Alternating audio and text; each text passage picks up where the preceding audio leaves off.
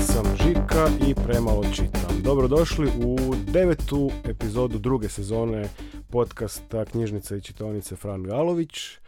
U drugu sezonu u kojoj pričamo o mentalnom zdravlju. Pričamo s ljudima koji su stručnjaci u mentalnom zdravlju, pričamo s ljudima koji imaju izazove u svojem mentalnom zdravlju, pričamo zato jer mislimo da je to važno i želimo taj razgovor proširiti. I danas je vaš i moj gost Aleksandar Stanković. Aco, dobrodošao. E, bolje te našao i pozdrav e, svim tvojim slušateljicama i slušateljima. E, Aco je otac, suprug, svima nama dobro poznat e, kao televizijsko lice, prije svega voditelj emisije Nedeljom u dva, ali i putopisac, dokumentarist, pjesnik i muškarac koji boluje depresije i o tome otvoreno zbori. A, pa da, evo, točno si ovaj, naveo sve moje titule, a, tako da je, a, šta je moja najjača identifikacija, baš me pitaju ljudi ovaj, u, u, što si ti, pa ja velim, pa nemam pojma, znaš, ovaj, ta, i ta bolest te definira na neki način, ali nije, nije, nisi to generalno ti, kako bih rekao, i taj nedjeljom u dva je možda 10-15% mene, ne znam, ono, ako bih baš morao birati da se identificiram, onda bih bio na, na, najljepše mi biti tata. A, zato jer imam baš pametnu i dragu djecu. Ali, da, sve me, sve me pomalo uzima i to je dokumentarizam i emisija i poslovno, da, poslovno sam ja Stanković nedjeljom u dva. A, po tome me ljudi prepoznaju, ali eto, pišem i knjige, tu i tamo pjesme i tako za, za svoj gušt. Još od mladosti, još od kad sam bio student sam pisao pjesme i skupilo se nekih 3-4 knjiga, evo sad, smo izdao, sad sam izdao i petu koja jest i knjiga pjesama, jest i knjiga proze i tako ima svega, svega pomalo unutra, a progovorio sam o jednoj temi o kojoj se govori, ali ne baš previše. Mm. E, hvala ti na knjizi. Hvala ti u ime svih koji ju, koji ju, koji ju jako dobro razumiju, zato jer dijele s tobom mm. tu bolest. Hvala ti u ime onih koje je možda razumiju djelomično, kao na primjer ja, koji imam iskustva sa paničnim napadima i prvih nekoliko stranica tvoje knjige je najbolje opisan i najsažetije opisan panični napad koji sam ja do sad u životu. Ovoga. Tako da, hvala ti puno na tome. Evo, hvala, hvala tebi na, na ovom komplimentu. Imam jednog prijatelja koji mi je rekao, nije znao za uh, moju depresiju i onda je čitao knjigu i rekao, znaš šta, veli, čitao sam je i onda sam se, na, zato jer se knjiga sa, sastoji od 68 uh, priča kratkih, uh, relativno i, i pjesama koje idu uz te priče i onda mi je rekao, aha, Okretao sam stranice i ovako sam si govorio, aha, ovdje jesam, to, to jesam ja, ne, ne, ne, ovo nisam, ne, ovo ni, a ovo jesam, da, da, ovo, ovo jesam ja, to su moji simptomi, dobro, ove nemam. I tako, veli, po, pomalo se ovaj, nalazio u jednima, a nije se nalazio u drugima. Premda mi se javljaju ljudi koji kažu da, da su 100% ovaj, oni a, sebe prepoznali u svemu tome, a, tako da, ono, ima različitih a, objekcija na knjigu i uglavnom reakcije su puno uh, bolje nego što sam očekivao. Nisam očekivao loše, očekivao sam da će uh, biti dobre reakcije, ali nisam očekivao da će ih biti ovako puno i da će, barem ljudi koji se meni javljaju, uh, znani i neznani, da će mi govoriti da im ta knjiga tako puno znači. Mm-hmm. Bilo je tu nekoliko važnih odluka. On u jednom trenutku se odlučio trebam to napisati. Zbog sebe, zbog drugih, e, kao što i pišeš u knjizi. Nećemo spojlati puno knjigu, ljudi, uzmite knjigu i pročitajte, stvarno vrijedi pročitati knjigu. E, e sad, u jednom trenutku znaš, ono, knjiga je, znaš što slijedi kad knjiga, kad ideš na turneju nekakvu, ljudi, te, ljudi s tobom pričaju, pričat će o tome, e, kako se snalaziš u toj, sad, to je ipak nova uloga. Mm. Kako se snalaziš u toj ulozi? Pa, kako se osjećaš? Za sada dobro. Za sada dobro. Ja nisam liječnik, niti sam self-help guru i niti ova knjiga self-help, to, toga se izrazito grozim. A, ali za sada dobro, jer koliko vidim na ovim nastupima, a po Hrvatskoj ih je, ajmo reći, za sada bilo desetak, nešto i po Srbiji, imao sam promociju knjige u, u Beogradu, a, za sada dobro i ljudi jako koji dolaze na te promocije knjiga jako dobro reagiraju i zanimaju i da tako kažem baš stvari koje pametna su im pitanja. A, pitanja na koja ja mogu odgovoriti. Kada sam rekao da nisam self-help guru, to znači da ja nikome ne dajem savjete kako treba živjeti. A, govorimo o, o mojoj manifestaciji bolesti, dakle kako se kod mene bolest manifestirala. Depresija je specifična bolest jer ima tisuću lica i na najrazličitije načine se može manifestirati, ali opet postoji neki, neki zajednički nazivnici, ajde da tako kažemo, koje svi mi koji imamo tu dijagnozu ovaj, znamo otprilike koji su. Dobro, evo da još jednom zaključim, dobra je reakcija sa publikom i dobro ljudi ovaj, iščitavaju ono što sam ja htio poručiti tom knjigom. A dvije su stvari. To je da sam htio pomoći ljudima koji boluju od depresije, ili anksioznosti ili nekih sličnih mentalnih bolesti. A, a druga stvar je da sam htio na neki način skinuti dijelom stigmu sa ljudi koji su mentalno bolesni. Zato jer smo takva sredina gdje je problem priznati da imaš mentalnu bolest i meni je sad čudno kad govorim da sam mentalno bolestan, a kako ti kažem, ovaj, vidim ja to u razgovoru s drugim ljudima kad mi recimo poput tebe, kad me neko treba pitati tako nešto. Međutim, da, to je kao ono e, u klubu alkoholičara, kad trebaš sebi priznati, jes, ja alkoholik. Da, ja već 14 godina ovaj, imam problem sa depresijom i to je bolest. Međutim, ja sam knjigom htio pokazati da sam ja funkcionalna osoba unatoč bolesti. Da se može. I te dvije stvari, dakle, destigmatizacija i na neki način pomoć ljudima koji su u depresiji mi je bio osnovni cilj pisanja knjige i za sada sam taj cilj postigao. uh Da, mi ovo radimo isto radi destigmatizacije prije svega. Mislim da je to e, zaista nešto čemu je, zato mislim da je knjiga važna. Mhm. Ne samo za tebe, nego za, za sve nas. E, kad već pričamo o stigmi, e, ti si u tu priču ušao kao izuzetno poznata osoba u Hrvatskoj. Ljudi te znaju, vidite svaku nedjelju. Da. Spominješ u knjizi, malo ću spojlati, mm spominješ u knjizi 11 ljekarni. mm Sjetio sam se sebe u trenutku kad su meni trebale te tablete neke, da odlazim u ljekarnu koja nije u mom kvartu, nego odlazim u jednu drugu. Da. Da, ja sam imao sličan problem, a taj je kada, je, kada sam depresiju počeo liječiti antidepresivima, da me je bilo sram odlaziti u ljekarne jer sam razmišljao da će moja bolest na neki način postati javna u tom trenutku, a u tom trenutku mi nije bilo dobro i nisam htio da postane javna i nije mi trebalo nikakvo dodatno opterećenje sa strane, nikakvo sažaljenje ljudi ili nikakvo propitivanje, jer se, nikako se nisam osjećao dobro, a to je bilo prije 13-14 godina. Ali odlazeći u, u ljekarnu imao sam neku nelagodu i onda sam se trudio svaki put kada sam uzimao antidepresive, odnosno kupovao ih, na recept naravno, ići u drugu apoteku. I tako, eto, sam došao ovdje do, do brojke 11, pa imam jednu priču o 11 apotekarki u 11 ljekarni koje su mi e, izdavale ovaj, te lijekove i gdje sam sam sebi, da tako kažem, ovaj, nabio tu nabio tu stigmu. Poslije sam se toga riješio, poslije mi je to postalo sve jedno tako da nisam, kasnije nisam imao taj problem, ali kad mi je bilo loše nisam si htio. Ovaj. Čovjek kad pati od depresije u onom akutnom obliku, onda si svašta, ovaj, jako je osjetljiv. jako je senzibilan, tako da ga mogu bilo kakve stvari ovaj, izbaciti iz ravnoteže, pa je mene između ostalog jedna od stvari bila ta, ovaj, da mi je nelagodno odlaziti u apoteku po lijekove. Svi te znamo kao javnu ličnost. E, sam si rekao da je nedjeljom u dva možda 10% tebe. mm to je tvoj posao, takav je posao. Ti si i naravno privatno, privatno osoba imaš obitelj. E, kako podrška partnera ili partnerice mijenja svijet osobe koja je u depresiji? Kako je mijenjala tvoj?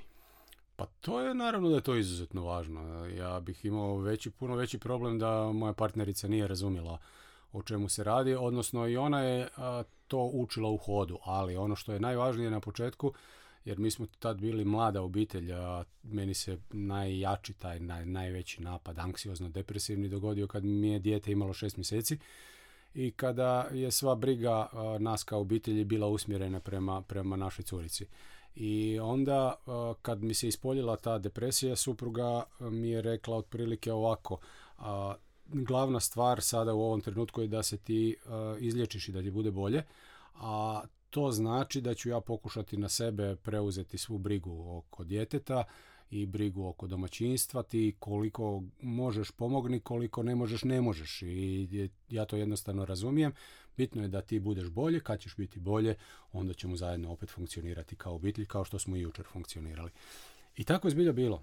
Tako je zbilja bilo i kasnije, s obzirom da ja kažem da se već 13 godina ovaj, borim s tom bolešću, nikad mi nije bilo tako loše kao u, u prvom tom napadu ili, ili naletu depresije, ali imao sam ja svojih faza kad sam se povlačio u sebe, kada mi nije baš bilo bajno, a supruga je bila tu i stoički je to podnosila, tako da ovaj, svaka je čast. Svaka je čast i tu je jako važno imati nekog ko te podržava. A baš, ću, baš sam ovaj, izdavajući knjigu došao do informacije e, preko druge osobe.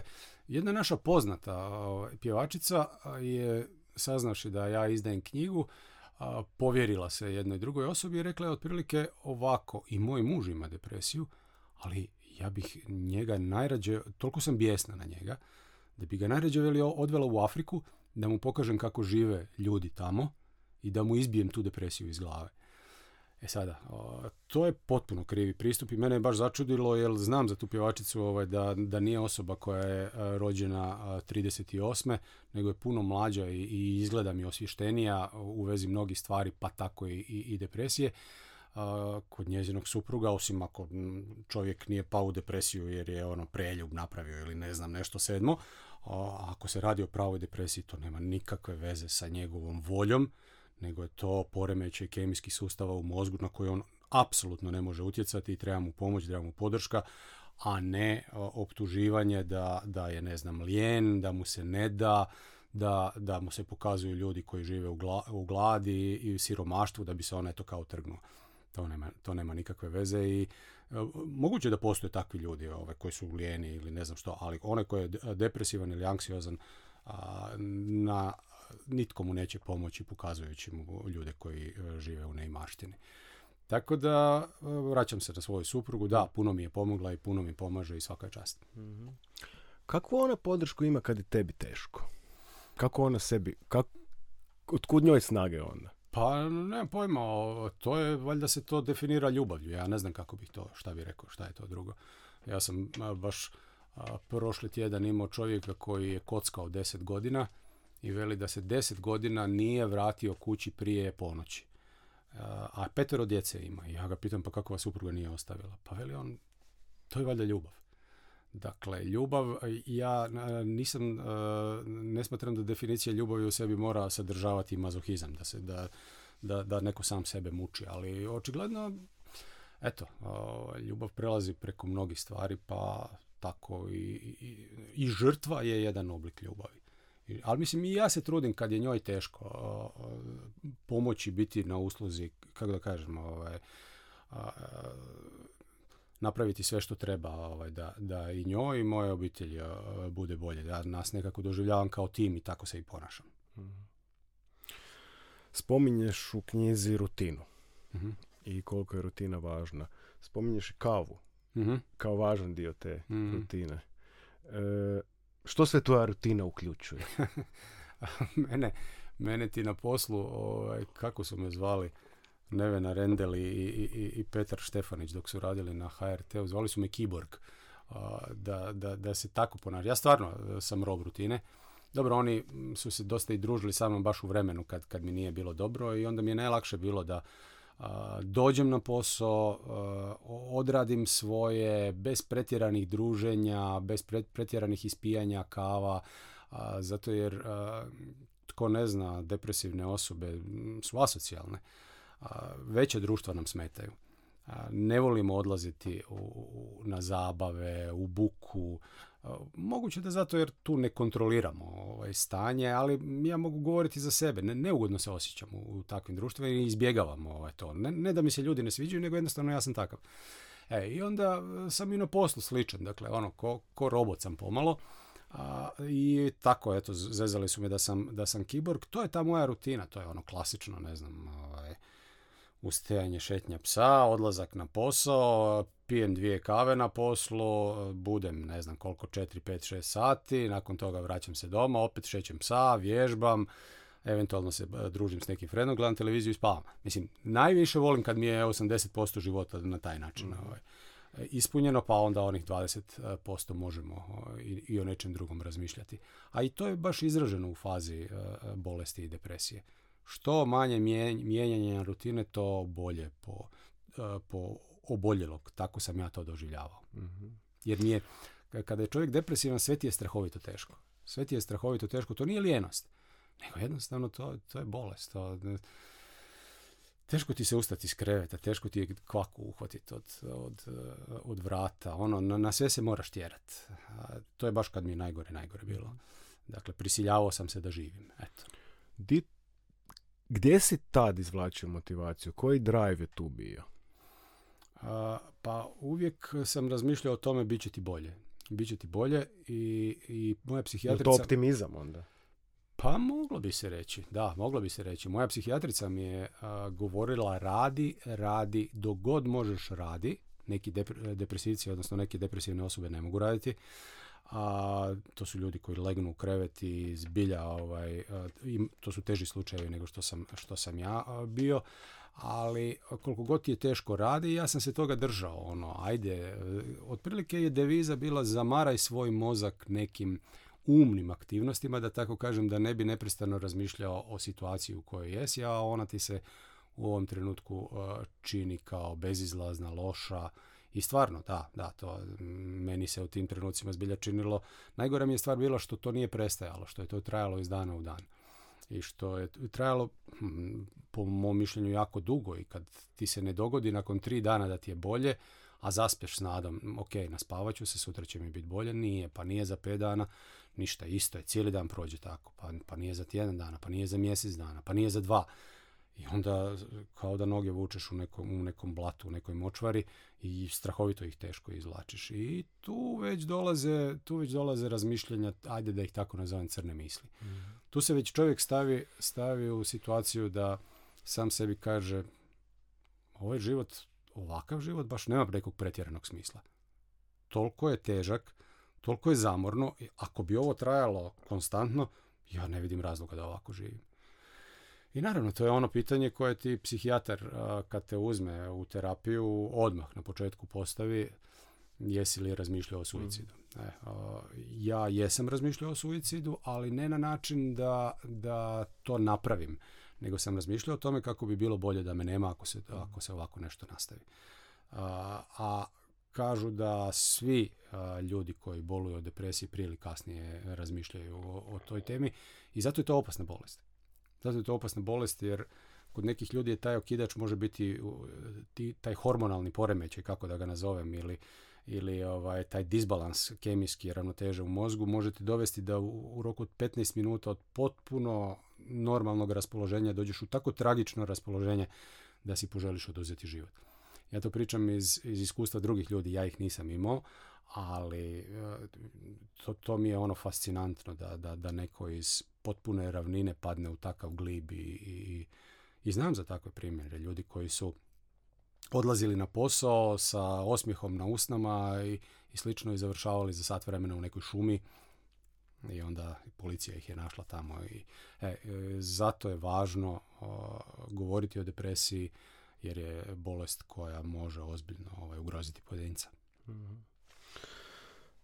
Piše, piše- pišeš o depresiji sa negativnim, ono, ima riječ, neka ona riječ na k, Aha, da, pa ono, nije baš u knjižnici pristojno izgovoriti. Pa, e, pa e, zvijer. E, znači, ta zvijer, ta depresija, jel, jel te ona nečem naučila? Jel, jel te ona pogurnula nekud? Ili te samo koči? Kako gledaš na to? Pa gle, kad nije baš to tako previše izraženo, naravno da te uči nekoj ustrajnosti, naravno da te uči nekoj, a, a, nekoj kako da kažem, čeličite na neki način. Meni se ove godine dogodilo da sam jedno četiri ili pet mjeseci da nisam bio baš najbolje.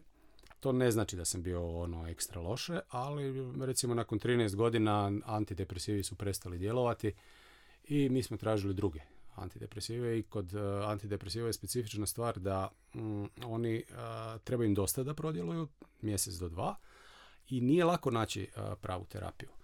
A, tako da se kod mene dogodilo da mi nisu odmah našli pravu terapiju i to je trajalo jedno 4-5 mjeseci i u tih 4-5 mjeseci meni se onako nisu mi se dalo baš raditi stvari, a dosta sam stvari imao. Pisao sam knjigu, pripremao sam a, vjetar u kosi i radio sam nedjeljom u dva. I ajde, nedjeljom u dva još možda kad tad me uhvatio adrenalin od tih sat vremena, pa kao i mogu je odvoziti na nekom autopilotu, ali mi je poseban problem bio ovo sa, sa ovim vjetrom u kosi, jer to osmero ljudi ide sa mnom, mi idemo 15 dana na put, ono, baš sam si razmišljao, mislim, ono, imao sam grižnju savjesti, ne mogu ovakav ići na put da mi se ne da, da, da ne grizem, da, a najgora je stvar što u tim, u tim trenucima ja ne grizem, ja nisam onaj stari Aco Stanković koji, koji ima o, izazov, dakle, nešto napraviti, ja, ja sam tak, takav sam čovjek, ono, volim izazove, Tad ne, tad je ono sve, joj, daj samo što prije da prođe i tako i mislio sam si onda, ok, ono, trajaće mjesec dana. Nije, trajalo jedno četiri, četiri i pol mjeseca i onako malo sam se izabrinuo što će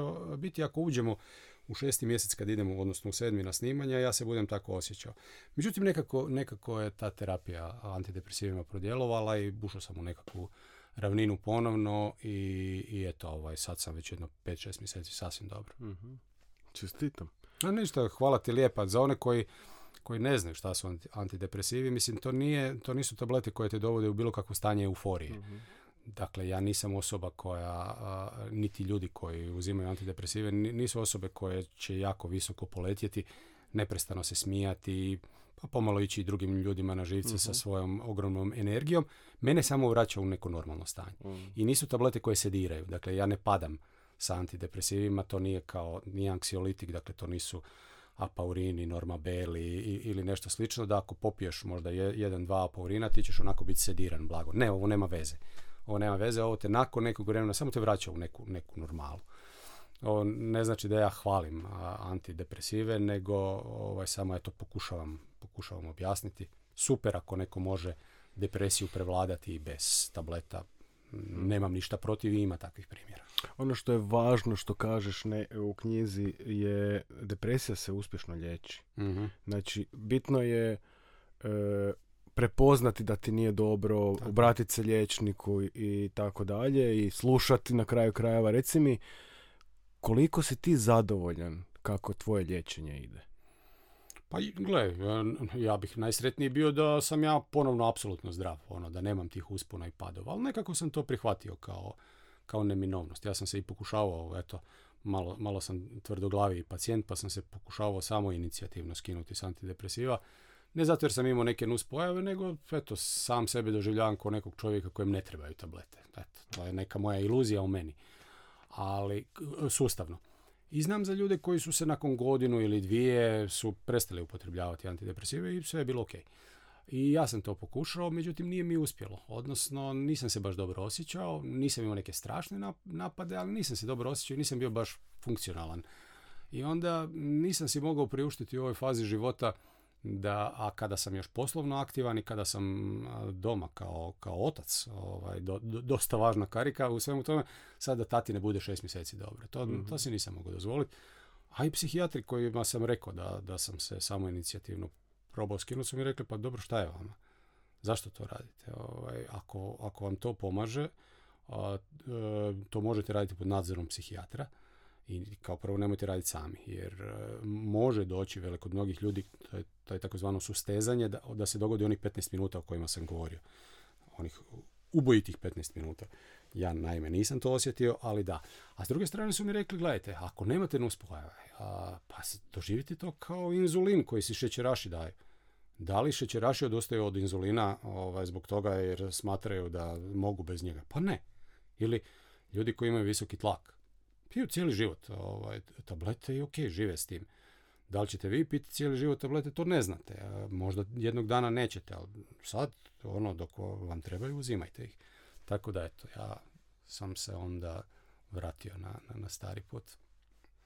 Nadam se da si svjestan koliko je važno kad netko koga gledamo na televiziji kao važnu, ono, e, e, snažnu osobu koja, je, Mm. koja se svađa s političarima i grize i to sve skupa kad takva osoba priča ovo što si sad ti rekao. Puno ti hvala u ime svih koji nas slušaju. Zaista mislim da je važno. Pa eto, evo, za kraj mogu reći da je jedna od, jedan od povoda da napišem knjigu bilo upravo taj. Ja sam kada mi je bilo najgore u ta tri mjeseca upoznao dvije osobe koje su mi govorile o svojim iskustvima s depresijom. Jedan od njih je, mi je posebno traga na mene ostavio, to je bio čovjek koji se bavi neurokirurgijom i koji mi je rekao Stankoviću, prema ovome što si mi ispričao, ja sam puno teži slučaj imao nego ti.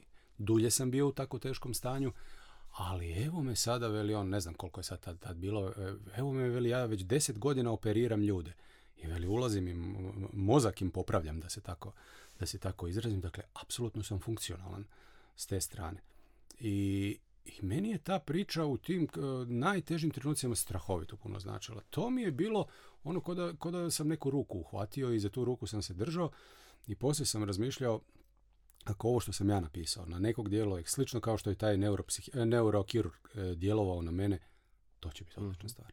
Jer sam znao stvarno, stvarno kako mi je to pomoglo. Dalo mi neku nadu. E, ono, u stilu, čovjek mi je rekao, bit će ti bolje jednoga dana, to dugo traje, ali bit će ti bolje. Eto. E, mi smo u knjižnici, ovo je Mhm. po- podcast knjižnice i uvijek pričamo malo i o knjigama i o knjižnici. Ali Mhm. imaš ti neku svoju knjižnicu? Svoju omiljenu knjižnicu?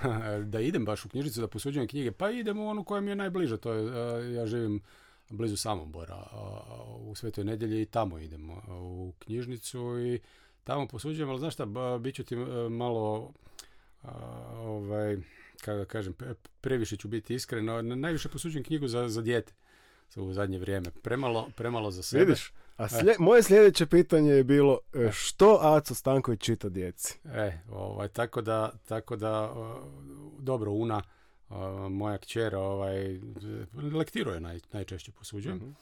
A sad sa ovim malim koji ima četiri godine vlak u snijegu prolazimo. To svaki dan prvo smo pročitali vlak u snijegu u slikovnici, istina Bog. Onda smo pogledali film, a sad svaki dan kad se pojavim doma, onda mi jedno 20 minuta glumimo vlak u snijegu. Ja sam najčešće ovaj negativac, pero, on želi biti ljuban i, i to je, evo, krenuli smo s vlakom u snijegu.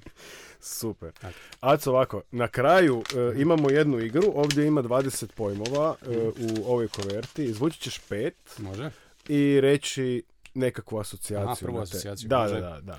Evo, Može, može. Ajde da vidimo šta, šta smo ovako, šta tu, šta tu ima, znači moram to i, i otvoriti. Da, da. Dobro, dobro, sitno je to. Sitno, sitno.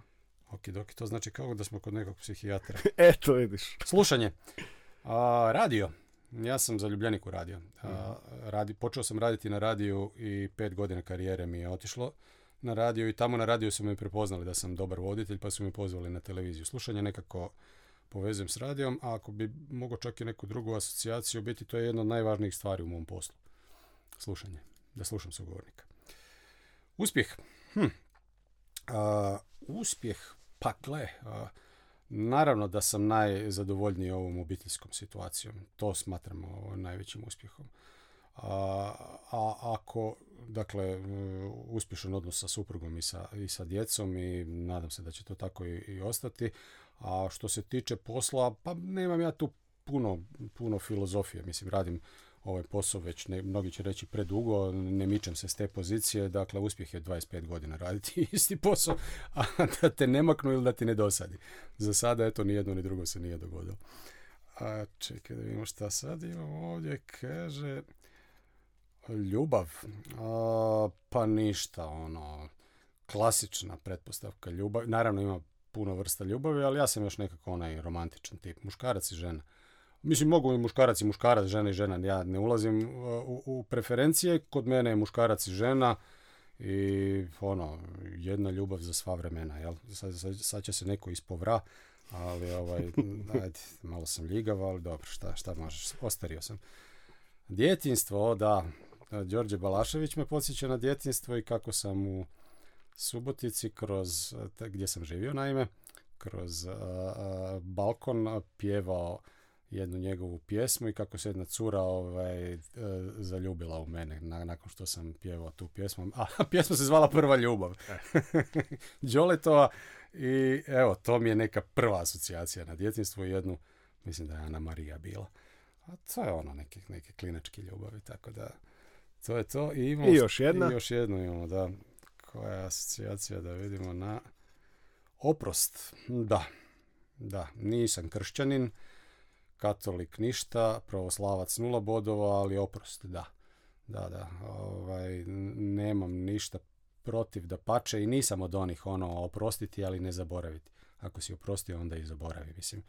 Jer e, ta priča ne zaboraviti, to opterećuje onoga koji, koji u stvari nije oprostio kako treba. mm Dakle, da, ko ima snage i ako je takav kontekst, da, oprostiti u svakom slučaju. E, uvijek na kraju pitamo sugovornike e, sad nas neko sluša mhm. i taj neko osjeća da ima problema i da mu treba pomoć vezana za mentalno zdravlje. mm Pitaću to i tebe uz jedan mali twist. Što bi ti savjetovao sebi kad je prvi put krenulo prije 14 godina? Što bi si rekao? Što bi si rekao? Da, pa ja sam u toj situaciji, moram priznati da, da sam dosta dobro reagirao. zato jer sam dosta znao o depresiji i da sam se upisao na medicinski fakultet, recimo, što nisam, nikad, me, nikad nisam smatrao da sam za medicinu, ali kojim slučajem da jesam, išao bi specijalizirati psihijatriju. E, od uvijek me zanimala psihijatrija i e, čitao sam i knjige o tome i Viktora Frankla sam nešto čitao i, i Freuda nešto rubno i uvijek su mi bile drage emisije koje sam vodio sa ovim psihijatrima, odnosno psiholozima. Tako da sam ja već nešto o depresiji znao i relativno malo vremena je proteklo od kad, sam, od kad se meni dogodilo dakle, manifestacije depresije, a eto da, da ne budemo sad tajnoviti, ja ću samo ubrzo ispričati o čemu se radi. Kod mene u pet dana došlo do do tako jake manifestacije depresivne da, da ja nisam spavao, dakle oka nisam mogao sklopiti, ruke su mi se tresle, a apetit mi je u potpunosti nestao, a, ovaj, koncentracija mi je u potpunosti nestala, nisam mogao dulje od minute razgovarati sa ljudima, to me strahovito smetalo i pojavile se crne misli. I ja, ja sam znao da to moram kod nekoga ići. Ovaj, kod psihijatra sam pretpostavio jer sam znao nešto i o depresiji i anksioznosti. Tako da sam ja u roku tri ili četiri dana, nakon tri ili četiri dana što mi je bilo tako otišao. Mnogi ljudi godinama se nose sa depresijom na način da ne idu kod liječnika. Neki e, to liječe alkoholom. Alkoholom se mogu prikriti simptomi, to i sam znam, ali na pola sata ili sat vremena. više od toga bi bio put e, u alkoholizam. A, tako da sebi nemam što niti zamjeriti, niti, niti se nešto uputiti dodatno, ali mogu ljudima reći koji se tako osjećaju da potraže liječničku pomoć, da odu kod liječnika opće prakse koji će ih vjerojatno upustiti kod psihologa ili psihijatra i koji će im e, vjerojatno porazgovarati s njima, pokušati dokučiti o čemu se radi i da li se radi samo o, kako mi u hrvatskom jeziku imamo problem sa definicijom depresije, jer depresija s jedne strane znači loše raspoloženje, a, a, s druge strane znači kliničku bolest koji će im vjerojatno razjasniti da li se kod njih radi ili o lošem raspoloženju ili zbilja o, o nečemu zbiljnijem. E, Aco, hvala ti puno. Ovo je bilo jako, e, stvarno veliko zadovoljstvo pričati s tobom. ništa, hvala tebi. E, možda sam trebao reći na početku, znači ja sam mega fan emisije Nedeljom u dva. Vjerojatno sam propustio pet u zadnjih 20 godina. Znači, samo e, Stevena Colbera i Johna Olivera pratim jednako pobožno kao tebe. Doduše radi se o komičarima, i, malo, ali, ali iz, i od njih saznaš o politici. Pa tako, da. E, tako da možda sam to trebao na početku reći, ali reći ću i ovo. E, mislim da ova knjiga koju si napisao, kao i ona emisija kojom se jako ponosiš, koja je spasila život i ova knjiga mm. spašava živote. I ova zvijer koja je tebe napala je krivog mhm. napala, jer mm. sad je ova knjiga jedan mač koji može spasiti uh, neke Evo, druge ljude. Malo sam se i naježio, znaš, ono, ja u knjizi kažem zmaju zabiti nož u srce. To je to. Ajmo otprilike pokušati tako. To i to je to. Čitajte knjigu, čitajte. E, to je bilo to. Hvala što ste slušali, ja sam Žika i premalo čitam.